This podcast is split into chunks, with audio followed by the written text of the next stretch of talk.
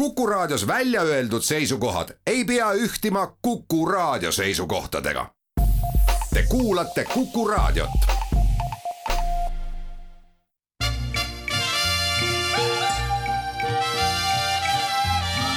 välismääraja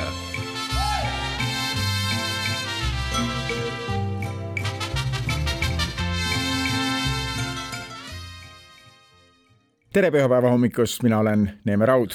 Tänases välisteemade saates esmalt sissevaade Ameerika Ühendriikide, aga ka Euroopa riikide poliitikates toimunud bipolariseerumisele, nagu mu esimene vestluskaaslane, politoloog Ott Lumi seda nimetab. varasem tsentris liikumine on saanud poliitikas praegu mitte reegliks, vaid erandiks ja seejärel vaatame Eesti ametliku riigina kohalolu maailmas, mis ikka laieneb. USA-s San Franciscos on meil nüüd peakonsulaat ja suursaatkond ka Singapuris. peatselt teengi siit Tallinnast kaks kõnet, esmalt läände, San Franciscosse ja siis itta Singapuri. ent alustame USA-st, kus võimul olev demokraatlik partei peab oma enda liikmete, osa demokraatide hinnangul mitte enam muret tundma, vaid lausa paanikas olema, sest partei kurss on kaldunud oluliselt vasemale ja osa ameeriklaste jaoks lausa sõimusõna liberaal on nüüd saanud demokraatliku partei seisu sünonüümiks ja see on tekitanud kartuse, et ameeriklased võivad järgmisel aastal kongressi vahevalimistel ja kahe tuhande kahekümne neljandal aastal presidendivalimistel otsustada riigi kursi uuesti paremale tagasi keerata, kuid kui palju paremale, kas tsentrisse? see on samuti küsitav, sest Vabariikliku partei enda populaarseim poliitik on jätkuvalt endine president Donald Trump, kes mingil juhul mõõdukas ju ei ole. siit ka see praegune bipolaarsus Ameerika poliitikas. vaatame nüüd USA poliitikasse sisse koos politoloog Ott Lumiga ja kõigepealt palun tal lahti seletada mõiste liberaal, mis ameeriklaste jaoks, nagu ütlesin, tähendab selgelt vasakpoolsust, seega midagi muud kui meie jaoks siin, kus me, kui näiteks Brüsselit vaatame, paneme liberaalsele skaalale seal Euroopa Parlamendis ühes liberaalide fraktsioonis olevad Reformi ja Keskerakonnad mida märgib sõna liberaal USA poliitikas ja miks on tekkinud see kohati mõisteline erinevus Euroopaga, politoloog Ott Lumi? Ameerika kontekstis liberaal olla, äh, Ameerika kontekstis liberaal olla tähendab ikkagi nagu äh, valdavalt äh, isikuvabaduse dimensiooni, eks ole, ja viimastel aegadel noh, see põhipoleemika kogu selle nii-öelda liberalismi osas ongi see, et seda on hakatud tõlgendama ja defineerima natuke liiga no nii-öelda äärmuslikult, eks ole, et see on nagu nii-öelda see nii-öelda kontekst. liberaal tähendab Ameerikas ikkagi vasakpoolset ja isegi sinna äärmustiiba kalduvat vasakpoolset. jaa, kahtlemata. tuleme nüüd selle definitsiooni juurde tagasi, paneme terminid kõigepealt paika. mida see liberaalsus siis klassikaliselt tähendab ja kuidas see Ameerikas nüüd korraga sinna demokraatliku partei vasemasse tiiba jõudis? Liberaalsus äh, tegelikult seda võikski nagu tõlgendada klassikalises mõttes no kaheti. tegelikult liberaalsed äh, nii-öelda klassikud, eks ole, ma mõtlen äh, nii-öelda kaheksateist sajand või midagi sellist, eks ole, siis ennekõike tõlgendasid liberaalsust kui ühelt poolt isikuvabadusi, aga teisest küljest ka majandusvabadusi. Ameerika puhul tegelikult me räägime sellest nagu nii-öelda liberaalsest äh, poliitikast pigem ainult nagu nii-öelda vasakpoolses kontekstis, eks ole. liberaalsus üks teema tänases Ameerikas, teine termin, mis tuleb lahti seletada ja ma ei, ei oskagi öelda, kas Eestis on seda lahti seletatud ja defineeritud, mida tähendab mm. woke.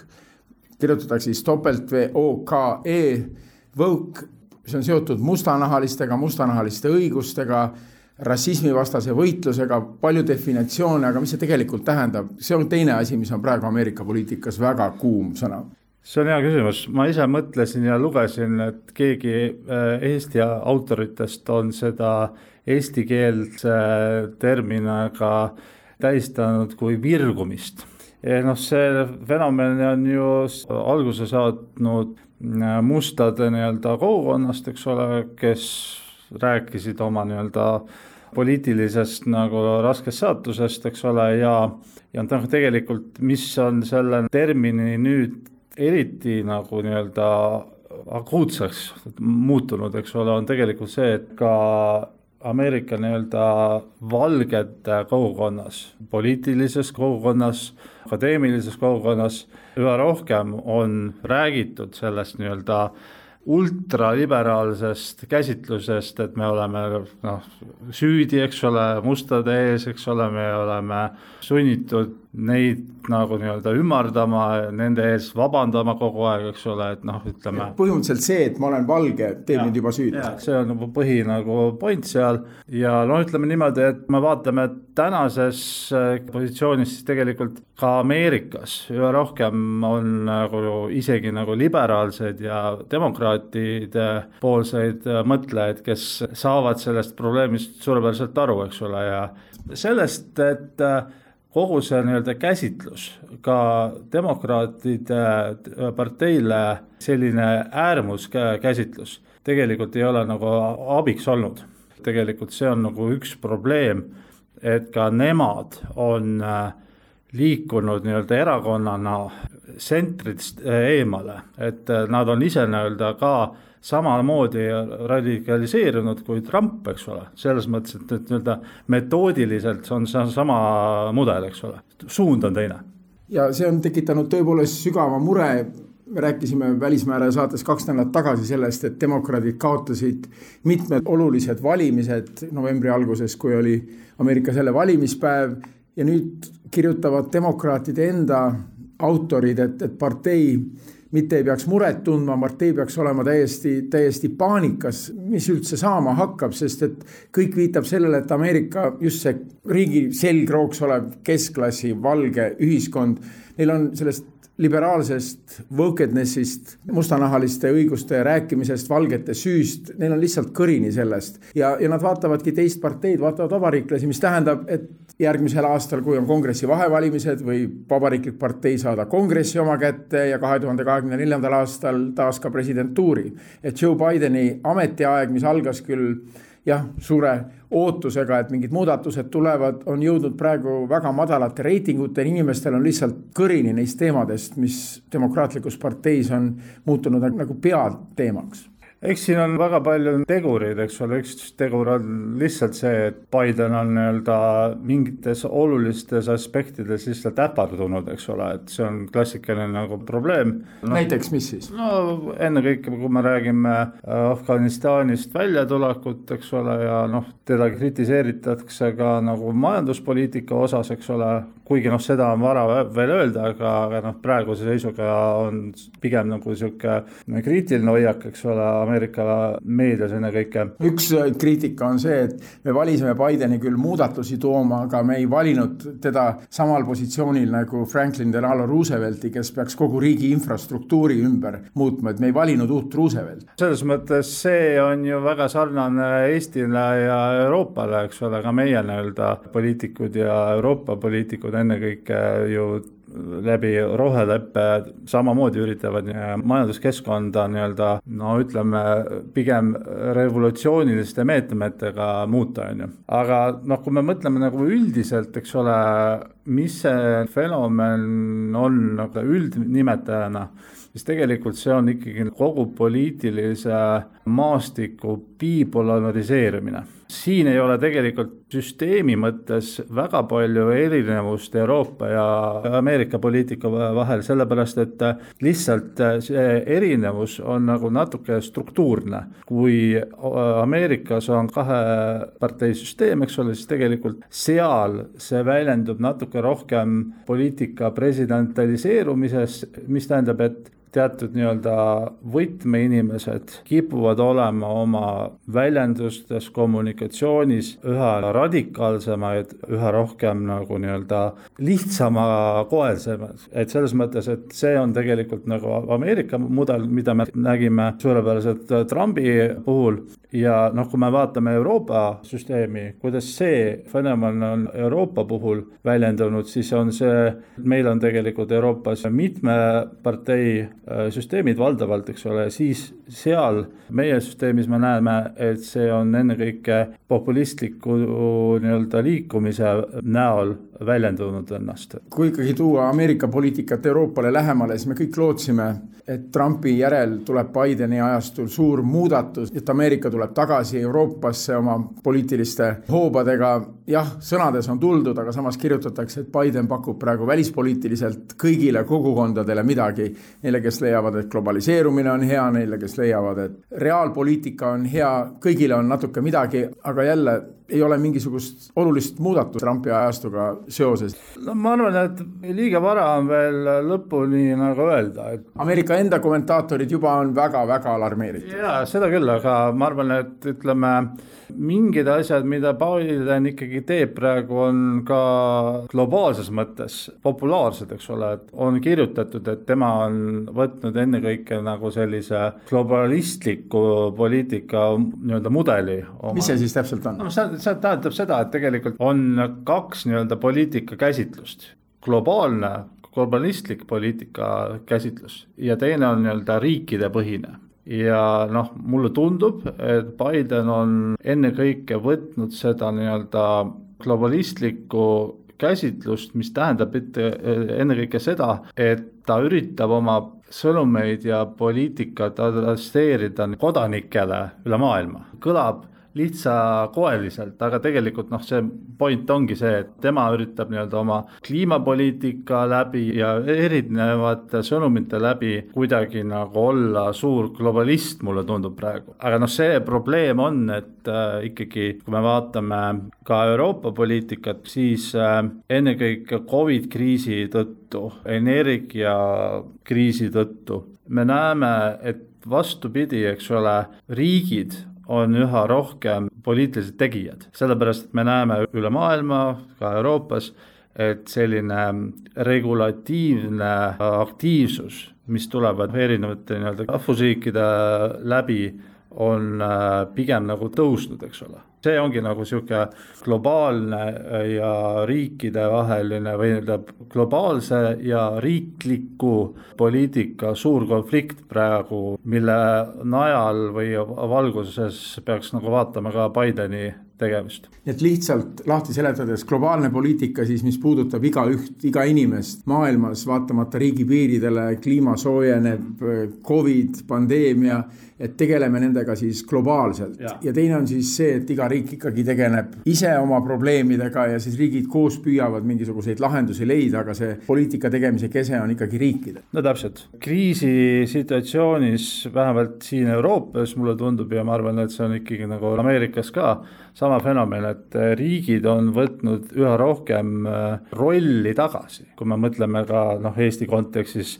räägime Soomest, Rootsist, kes nüüd Euroopa regulatsioonide noh, nii-öelda mõnes mõttes nii-öelda vastasest aspektist äh, hakkasid mingeid liikumispiiranguid nagu seadma, eks ole, tegelikult noh, kogu see nii-öelda dünaamika on jah, liikunud selles suunas, et riigid on võtnud üha rohkem positsiooni ja kontrolli tagasi. aga veel üks teema, mis Ameerika lehtedest on mulle silma jäänud, kahjurõõm poliitikas. üheks hoovaks tänases poliitikas ja Ühendriikides on seda eriti näha Trumpi valijate puhul, et mida halvemini Bidenil läheb, seda parem tegelikult on, et esikohale ei seata mitte riigi huve, vaid kui vastasel läheb halvasti, no seda näeb ka siin Eesti poliitikas tegelikult, siis meil läheb tegelikult hästi see on seesama fenomen, mis on seotud selle nii-öelda bipolariseerimisega et ja sellega, et selline klassikaline tsentripoliitika on ära kadunud. mis iganes poliitilised jõud, tegijad on aru saanud, et kaasaegses sellises kommunikatsioonikeskkonnas, eks ole,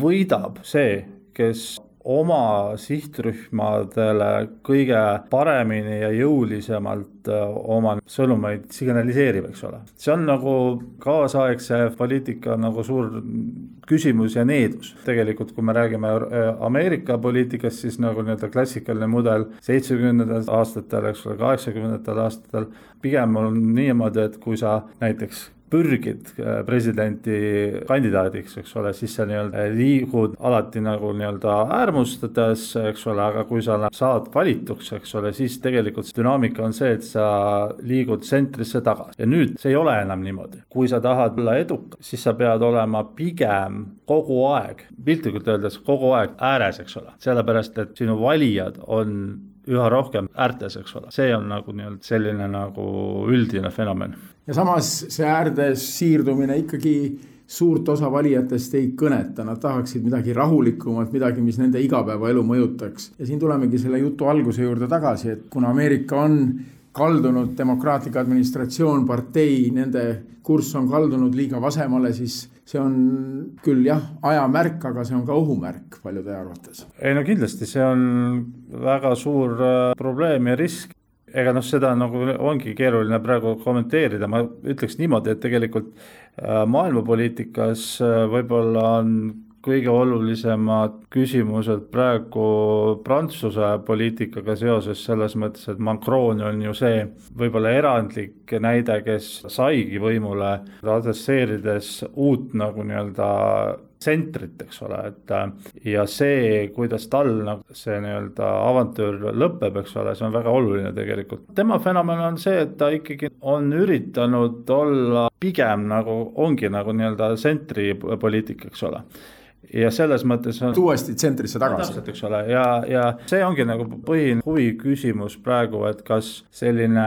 klassikaline tsentripartei äh, poliitika on tänases äh, kontekstis, kus meil on üha rohkem äh, sotsiaalmeediat, üha rohkem mediatiseerumist, eks ole, poliitika ei johtu enam nii-öelda meediast, vaid meedia dikteerib poliitikat, eks ole. et noh, see on küsimus, kas selline nii-öelda tsentripoliitika on võimalik tänastest tingimustest või mitte et see on nagu kindlasti nagu väga huvitav. keerulised ajad maailma poliitikas, kus toimub mingisugune uus settimine nii Ühendriikides kui ka Euroopas, aga Ott Lumi, aitäh selle poliitilise selgituse eest tänasel pühapäeval ja Välismääraja jätkub hetke pärast.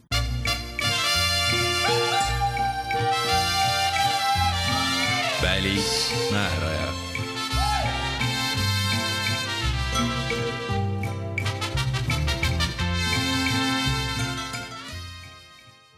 välismääraja jätkub ja kui otsida Ühendriikides paika, mis on praegu väga poliitiliselt korrektne, kus on nii mustanahaliste liikumist, Black Lives Matter märgata, rassismi teema ümberhindamist, woke, kõik need teemad, mida me eelnevas intervjuus käsitlesime, on väga silmaga nähtavad San Franciscos ja sinna just helistangi.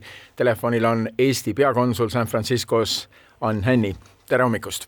tere hommikust! Enne kui räägime sellest, et San Francisco on nüüd Eesti diplomaatilisel kaardil koht, kus on ka Eestil oma ametlik esindus olemas, alates sellest nädalast on peakonsulaat avatud, räägiks sellest poliitilisest korrektsusest. minu viimane San Franciscos käik oli, kohtusime siis ka augustis, linn oli tühi, kõik IT-spetsialistid olid sealt lahkunud, kõik töötavad kodust, aga kuskilt odavamatest kohtadest. linn oli täis kodutuid poed olid kinni, mingisugune täiesti ebarealistlik äh, atmosfäär valitses linnas. kas San Francisco on nüüd mingilgi moel elule ärganud? eks siin tasapisi elu tuleb tagasi. meile, kes me oleme siin juba mõnda aega olnud, ma teeksin täpsustuse, et me tegelikult oleme siin olnud olemas juba kahe tuhande üheksateistkümnenda aasta novembrist. sellel nädalal õnnestus meil lihtsalt esimene suurem üritus siin korraldada just tänu sellele, et linn on natukene rohkem ellu ärganud võrreldes varasema päris pika perioodiga.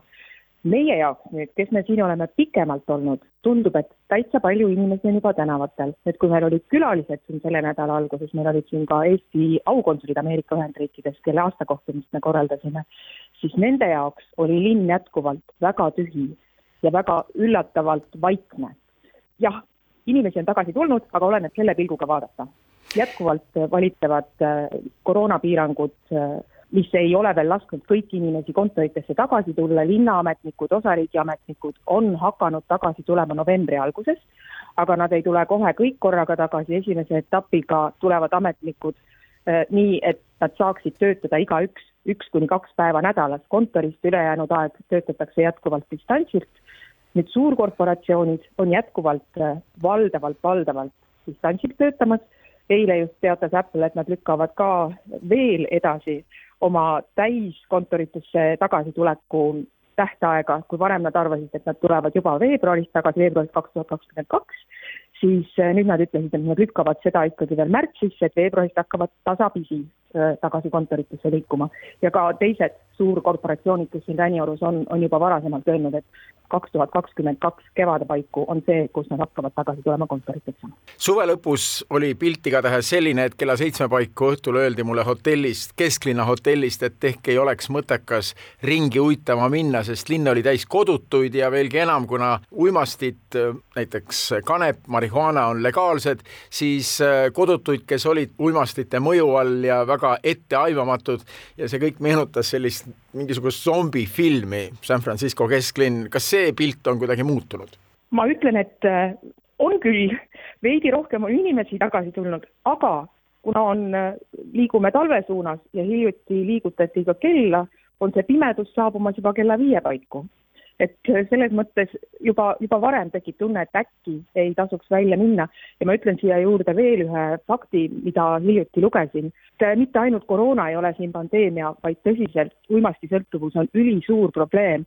aastal kaks tuhat kakskümmend suri San Franciscos kolm korda rohkem inimesi uimasti üledoosi tõttu kui Covidisse ja siis need kõik progressiivsed liikumised Ameerika poliitikas praegu, mis on nähtavad, mineviku ajaloo ümberhindamine, San Franciscos räägiti ka sellest väga aktiivselt, et tuleb koolidelt võtta nimesid, näiteks Abraham Lincoln või ka George Washington ei sobi, sest neil olid orjad ja, ja orjapidamisega mingisugused sidemed, kuigi Lincoln oli see, kes Ameerikas orjapidamise kaotas. see üüberpoliitiline korrektsus, mis on Ameerikas hakanud paljusid häirima ja mistõttu demokraadid juba on valimisi kaotamas, San Franciscos oli see kuidagi eriliselt nähtav? jaa, vastab tõele selline just nimelt ümberhindamine ja poliitilise korrektsuse teema on siin ülitõsine ja mitte ainult koolide nimetustes, et ka näiteks piirkonna kohanimesid äh, muudetakse ümber, kuna leitakse, et, et mingi kohanimi enam ei ole võib-olla kõige sobivam. näiteks üks kuulus suusakuurort, mis on siit küll mõnevõrra kaugemal, aga Ameerika mastaape arvestades on see siinne väga populaarne süvakoht siiski, muutis oma nime, mida nad on kandnud pikalt-pikalt, sest see ei olnud liiga sobilik viide põlisrahvastele nii et see on kõik Ameerikas toimumas, aga pöörame nüüd Ameerika enda teemade juurest pilgu Eesti teemade juurde. sa ütlesid, et kahe tuhande üheksateistkümnendast aastast olete te San Franciscos kohal konsulaati avamas ja sel nädalal siis kuulutati välja, et Eesti peakonsulaat San Francisco kesklinnas otse sealse suure kuulsa kunstimuuseumi taga väikesel Põik tänaval on nüüd avatud. miks Eesti pidas just San Franciscot selleks kohaks, kus Ühendriikide läänerannikul konsulaat avada, mitte Los Angeleses, mis on ju suurim linn, Ühendriikide suuruselt teine linn? jah, meil selle avamise teemaga, et see avamise termin on nii oluline termin ja tegelikult me olemegi avatud siit siin sellest päevast alates ja tegutseme kui meie esimeste diplomaatide jalg siia astus, mis juhtus kak, täpselt kaks aastat tagasi.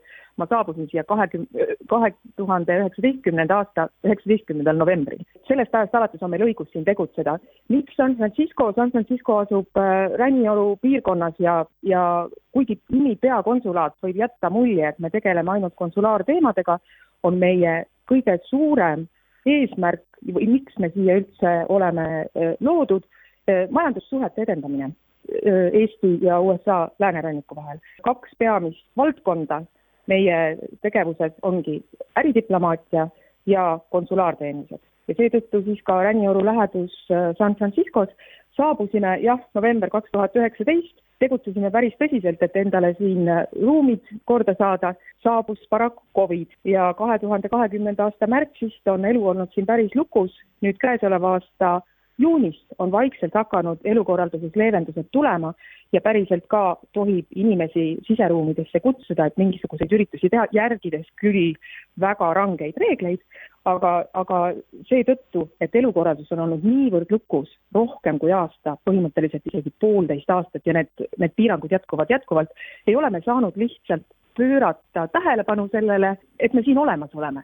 ja sellel nädalal õnnestus meil siis korraldada vastuvõtt et tänada neid koostööpartnereid, kes meil siin kohapeal on, meie kolleegid, Eesti kogukonna esindajad, meie koostööpartnerid, korraldasime vastuvõttu, pluss meie aukonsulid, kelle aasta kohtumist äh, võõrustasime seekord San Franciscos.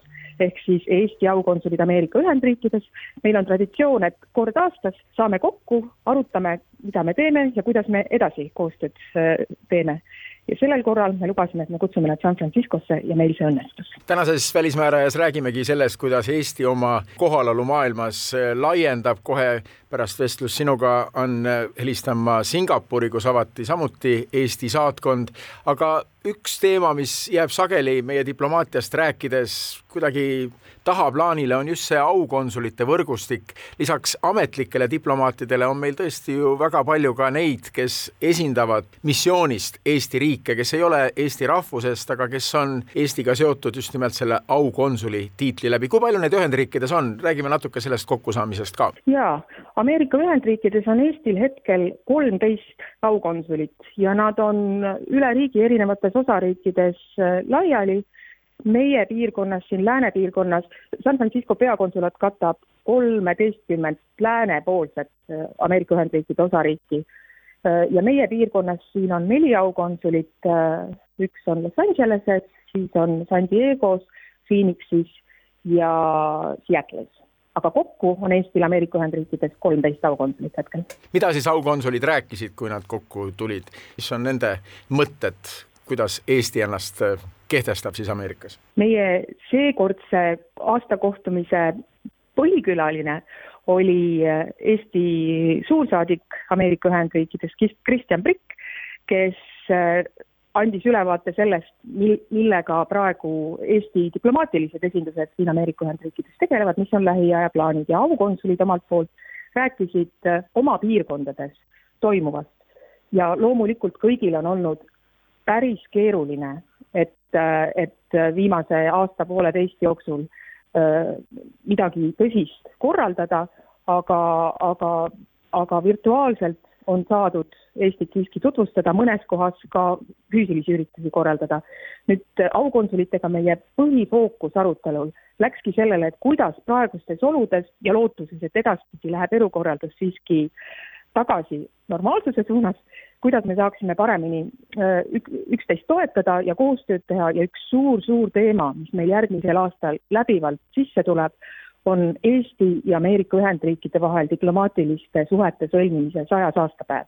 et selle ümber me, on meil eesmärk teha siis erinevaid üritusi ja sellele tähelepanu pöörata aga tuleme nüüd teie suure missiooni juurde, äridiplomaatia USA läänerannikul. Eesti jaoks on ikkagi väga oluline olla ränioru lähedal. miks ja kui aktiivsed need suhted on? just täpselt, see ongi üks meie põhilisi eesmärke siin. jällegi see aeg, kui me siin oleme olnud, on olnud väga-väga keeruline ja tegelikult on ka Ameerika olnud lukus Euroopast tulijatele, sealhulgas ettevõtjatele ja, ja meie suur lootus nüüd mida me lootsime sellel aastal, aga mitmeid kordi oli vajadus see edasi lükata. me ootame praegu, millal on esimene kord võimalus võõrustada siin Eesti kõrgetasemelist visiiti koos äridelegatsiooniga. ja sellest saab ole, tulema siis üks suurem tähelepanuüritus nii siin kui Eestis. aga hetkel jah, ei ole saanud siia ettevõtjad tegelikult füüsiliselt ise väga tulla, need, kellel juba siin kontaktid on meil on võimalik olnud edasi oma tegevust teha. väga üksikud uued tulijad on ja tulnud, aga neil on olnud sellisel juhul eeltöö väga tugevasti tehtud. näiteks ka koos aukonsulitega külastasime just äh, ühe Eesti ettevõtja poolt äsja paigaldatud näidismoodulmaja, mis äh, asub siin Ränionu piirkonnas ja mille turustamist me siis püüame ka omalt, mille turustamisele me püüame siis ka omalt poolt kaasa aidata. Ann Hänni, Eesti peakonsul San Franciscos, kaks nädalat on nüüd Ameerika laias laastus olnud avatud eurooplastele ja, ja teiste riikide kodanikele, kelle jaoks ta oli ikkagi poolteist aastat täiesti lukus. kas on ka mingisugust muudatust näha, siit Euroopa poolt tundus, et nagu paisu tagant turism korraga paiskus taas valla paistab see teile ka kuidagi kätte, kaheksandast novembrist on Ameerika taas avatud? just, ja paistab küll. ja oleme ka näinud juba eestlasi, kellel on siia õnnestunud tulla ka täiesti kaheksandal novembril lennukiga, mis olla olnud puupisti täis. et kui meie varem sõitsime ja meie, meil diplomaatidena õnnestus siia tulla, siis lennukid, mis tulid Euroopast siia, olid tegelikult suhteliselt tühjad. siis nüüd on lennukid täis ja San Franciscole on see üliülioluline kuna San Francisco sissetulekust väga suur osa tuleb turismist, nii et siinset majandust mõjutab see väga oluliselt. Ja San Francisco lennujaam võrreldes äh, teiste suuremate Ameerika Ühendriikide lennujaamadega siin lennujaamas äh, välis äh, välisturistide osakaal on oluliselt suurem kui teistes lennujaamades. jaa, mõtlen ise ka sellele, et kolm korda õnnestus Ameerikas sel hilissuvel ja, ja sügisel käia praktiliselt täiesti tühjade lennukitega, Finnairi lennukites oli kolmkümmend ja viiskümmend inimest suurtes kolmesaja kohalistes lainerites. nüüd on see aeg siis, siis läbi, et normaalsus on taastunud ebamugavam on küll võib-olla nüüd sõita neil, kes on tühja lennukiga harjunud, aga õnneks on normaalsus taastunud. vähemalt tundub nii. ja kui siis turistidel, kes tulevad San Franciscosse ja läänerannikule, on abi vaja, siis saavad nad pöörduda teie poole.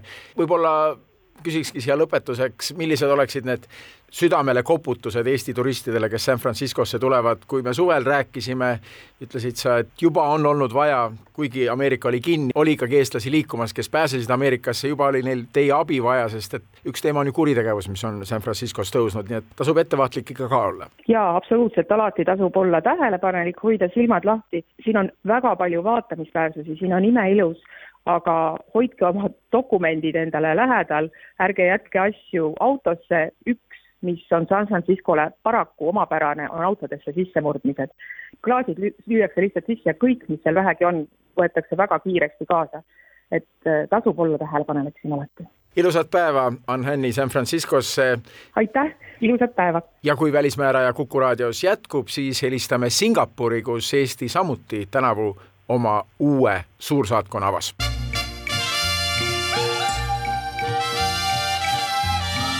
välismääraja.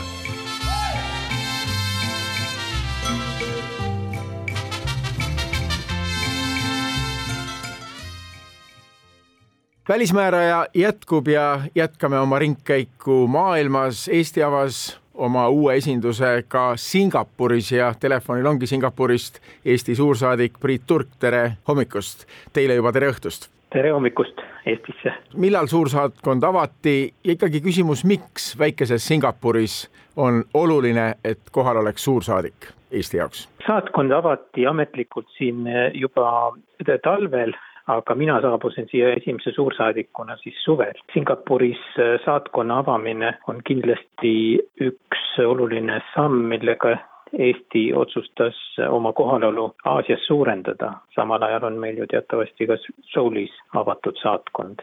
põhjuseid on kindlasti mitmeid, üks oluline põhjus on kindlasti äh, majanduslik, ehk siis olla kohal globaalse majanduse kasvu epitsentris, me näeme, et tulevikus Aasia ja kindlasti selle hulgas Kagu-Aasia on nagu maailma majanduse üks äh, potentsiaalsemaid äh, kasvukohti kus kindlasti Eesti ettevõtjad sooviksid äh, osa saada ja siin ma arvan, eriti arvestades Aasia kultuuri konteksti, on kindlasti saatkonnal võimalus äh, riigi esindajana nagu kaasa aidata. kui sa räägid Eesti kohalolekust regioonis, siis äh, kahtlemata esmalt jääb pilk seal maailma osas Hiinale.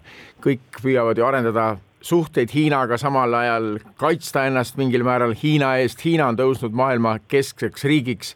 meie saadetes on ka varem juttu olnud, et samal ajal on ju seal ka teisi regiooni riike, kellega suhteid arendada. Eesti ongi võtnud kursi mõneti, nagu tundub, et Hiina on küll väga oluline ja Hiinat vaadatakse, kuid samas on Hiina etteaimamatu paljudes asjades ja seepärast on oluline arendada suhteid ka naaberriikidega ja siin tulebki mängu just Lõuna-Korea ja ka Singapur. just nimelt, et, et me peame Aasiat vaatama palju laiemalt ja, ja kindlasti Hiina äh, suunalt äh, me juba oleme teadlikud ka teatavatest riskidest, mida suhetes äh, võib esineda, et, et siin kindlasti peabki just nimelt vaatama uute turgude ja, ja uute riikide poole ja, ja Singapur, kui, kui me vaatame siin äh, Kagu-Aasiat, siis kui selline platvorm kogu Kagu-Aasia riikide turgudele minekuks, siis äh, Singapur just nimelt vast tõuseb esilegi sellega, et ta on äh, kindlasti kõige usaldusväärsem, siin on toimivad teadused, siin on võimalik turvaliselt investeerida ja siit ka edasi regioonis Aasias edasi laieneda. Ja ka Eesti ettevõtjate kogemus on tegelikult, et kui sa juba Singapuris suudad ikkagi toimetada, et siis see on platvorm edasiliikumiseks Aasias. juba Kagu-Aasia ise, olles kuussada viiskümmend miljonit elanikku tegelikult, on tohutu ekspordipotentsiaaliga regioon. räägi siis pisut oma igapäevatööst, suured teemad on tähtsad, aga, aga igapäevatöö, suhete loomine, kes siis kohal on, kellega oled suhteid loonud?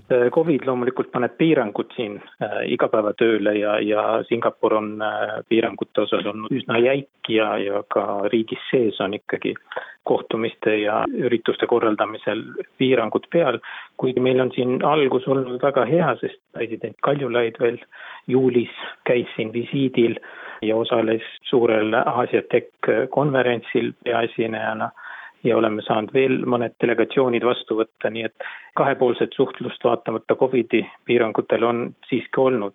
Ja kohapeal loomulikult on kogu halduspool ehk siis saatkonna ruumide leidmine, kogu ka see pool on võtnud oma ja aga ma pean ütlema, et kohtumised siin äh, ministeeriumides, ametkondades, äh, ka ettevõtjatega, et äh, Eestist ollakse väga huvitatud, Eestist ollakse ka teadlikud, meil on väga tugev digikuvand ja ma arvan, et meie kahepoolsetes suhetes ongi sellel väga suur potentsiaal või vundament, millele ehitada, ongi et me oleme kaks väikest digiriiki, kaks väravat, üks värav Kagu-Aasiasse ja Eesti siis värav Euroopa Liitu.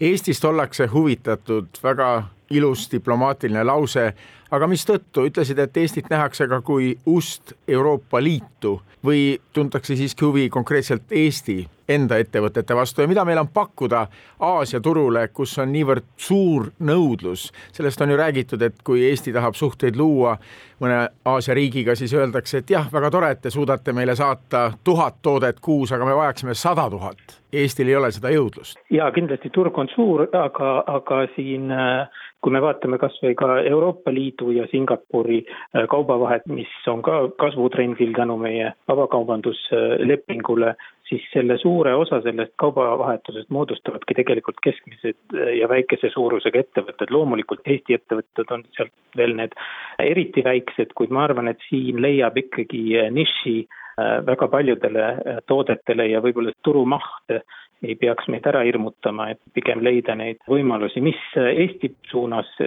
kindlasti Singapuri huvitab, on just nimelt meie digilahendused ja meie, ka näiteks meie e-residentsuse kaudu tulevad võimalused. Ja no kui rääkida veel majanduspotentsiaalist, siis kindlasti on kõik, mis puudutab rohetehnoloogiaid, see on ääretult äh, oluline teema Singapuris, samamoodi kaitsetööstuse koostöö on meil, on käivitunud äh, päris äh, hoogsalt, nii et, et neid valdkondi on tegelikult äh, mitmeid. Eesti leitmotiiviks suhete arendamisel paljude riikidega on IT, infotehnoloogia.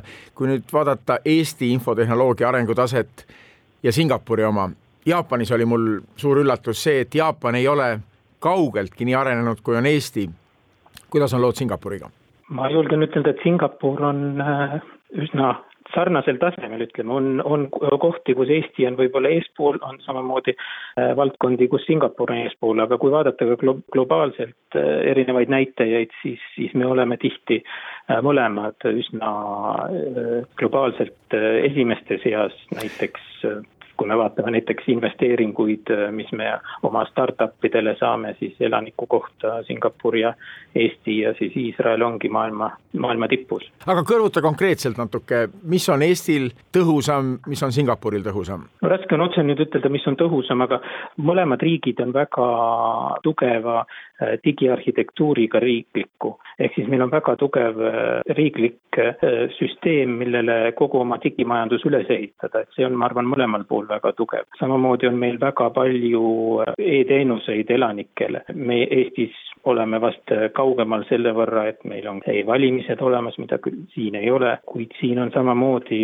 enamus riiklikke teenuseid on võimalik kohaliku e-ID ehk siis e-isikutunnistusega võimalik äh, interneti teel ära teha, nii et et ma arvan, me oleme üsna sarnases positsioonis ja ma arvan, see ongi jälle üks koostöövõimalus, et me globaalsel tasandil äh, võiksime olla nendel teemadel eestkõnelejad ja näiteks äh, küber küberjulgeolek ongi näiteks üks teema, kus me ka ÜRO tasandil ja globaalsel tasandil teeme Singapuriga palju koostööd. ja siiski, tulles tagasi nüüd suurte teemade juurde, geopoliitiline kohalolu Singapuris. tegelikult üks asi on need konkreetsed sidemed, aga teiselt poolt siiski maailm laiemalt, et Eesti jaoks ongi oluline seal kohal olla. just nimelt, ma jah, tahtsin juba ennemgi mainida just nimelt, et, et kui me vaatame ka globaalseid arenguid, siis Aasia ja, ja isegi konkreetsemalt Kagu-Aasia on muutumas teatud mõttes äh, epitsentriks, ehk siis paljud sündmused, mis puudutavad Hiina ja, ja siin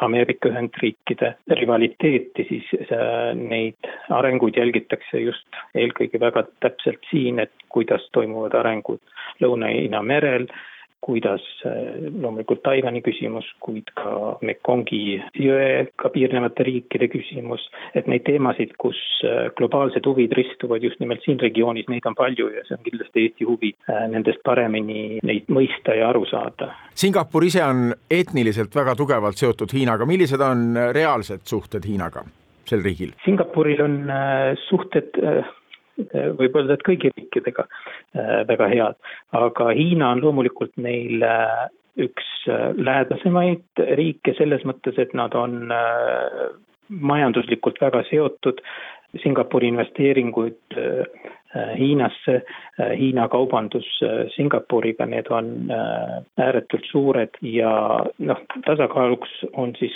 julgeolekukoostöö on, on neil üles seatud väga paljuski just äh, Ameerika Ühendriikidega, kuid, äh, kuid loomulikult Hiina on nende üks, üks, üks lähedasemaid partnereid. kas Singapur on ka üks riik, kes peab mõtlema sellele, et pooli valida või lähtuvadki nad väga pragmaatiliselt sellest, et maailmas tuleb olla ja, ja väikse riigina peab kõigiga suhtlema. kas seal on tunda ka just seda Ameerika-Hiina poolte valimist, mis paljudel riikidel nagu on see praegune dilemma? ja Singapur on väga selgelt võtnud selle ja, ja aastaid sellest lähtunud, et, et nad ei võta pooli sellistel, sellistes vastasseisudes ja, ja seda nad väljendavad nüüd ka kogu aeg väga, väga selgelt ja nende, nende lähenemine on sellises olukorras hoida häid suhteid ja väga tihedaid suhteid mõlema poolega, panustada väikeriigina siis multilateraalsesse süste-, maailmakorda, ehk siis olla relevantne ja vajalik riik nendes küsimustes, kus nad äh, suudavad olla näiteks ka kliimaläbirääkimistel oli Singapur väga aktiivne, samamoodi ongi ka küberjulgeoleku aruteludel ÜRO-s on, on Singapur väga aktiivne. Eesti jaoks on iga uue välisesinduse avamine, saatkonna avamine suur investeering, kui kaua seda Singapuri otsust kaaluti ja mis olid siis need peamised kaalukeeled, mis ütlesid, et me peame seal kohal olema, sest et vaatame näiteks Ladina-Ameerikat, Brasiilias pandi Eesti esindus kinni, leiti, et, et seal kontinendil ei ole see nii vajalik, samas Singapur avati, avati San Francisco need kaalutlus, arutelusid on peetud ju väga pikalt tegelikult, et see kindlasti ei ole kuidagi hetkearengutest äh, tulenev äh, või hetkeotsus, et ma tean, et äh, juba kümme aastat tagasi on, on Aasia-suunalisi strateegiaid tehtud, kus on need ettepanekud olnud kirjas, et Singapuris ja ja Lõuna-Koreas saatkonnad avada, nii et see ei ole kindlasti hiljuti tehtud otsus ja on pikaajaline investeering. ja noh, Aasias kindlasti suhete loomine ja kõik äh, võtab väga pikalt aega, nii et, et selles mõttes tulebki siin eriti näha neid investeeringuid äh, pikaajaliselt. Covid ja Singapur, kuuldavasti ei saa te Eestisse jõuluks tulla, sa oled ju perega seal, Priit, äh, just seetõttu, et Singapuri tagasipöördumine oleks väga keeruline. ja Singapur on olnud suhteliselt suletud kogu epideemia jooksul, nüüd vaikselt avanetakse ja vaktsineeritutele tehakse erilennud ka Euroopast, äh, mitmetest riikidest juba. meil Eesti, Eestil ka puudub otselend loomulikult Singapuri ja, ja meil hetkel tõesti on äh, meil eestla-, Eesti elanikel siia tulekul kümnepäevane karantiin ette nähtud. viimane kuu aega isegi on näidanud, et Singapur avaneb, nii et ma loodan, et see ka Eesti suhtes peagi, peagi muutub ja kui Singapur ja Euroopa Liit ka vastastikku oma vaktsiini Äh, sertifikaate aktsepteerivad, siis, siis loodetavasti see olukord äh, paraneb veelgi, aga, aga, aga Singapur on olnud äh, suhteliselt, nagu paljud Aasia riigid, konservatiivne oma, oma, oma piirangutest loobumise suhtes, nii et ja ka koha peal tõesti on nüüd meil vähemalt võimalik perega minna äh, koos sööma, sest pereringis võib juba viiekesi käia ka väljas. aga pikalt oli nii, et ainult kaks inimest äh, võivad koos, koos süüa ja ka külla võid kutsuda endale kuni kaks inimest, nii et, et siin ja kogu aeg loomulikult maskis ja, ja, ja ka vaktsineeritust kontrollitakse igal pool. aga kuidas selle nätsuga lood on, ma mäletan, kui ma ise Singapuris käisin üheksakümnendatel aastatel, siis peamine hoiatus oli, et nätsu selles riigis närida ei lubata, kas nüüd aastakümnete jooksul on, on need piirangud lõdvenenud? Ei, nätsu, nätsu ikka siin riigis ei, ei, ei äh,, ei peaks. selline siis välismääraja pilk Singapuri, kus Eesti on nüüd kohal, Eesti suursaadik Priit Turk, aitäh selle intervjuu eest ja head päeva sinna! aitäh! ja meie tänane saade ongi kuulatud, mina olen Neeme Raud, peatse jälle kuulmiseni!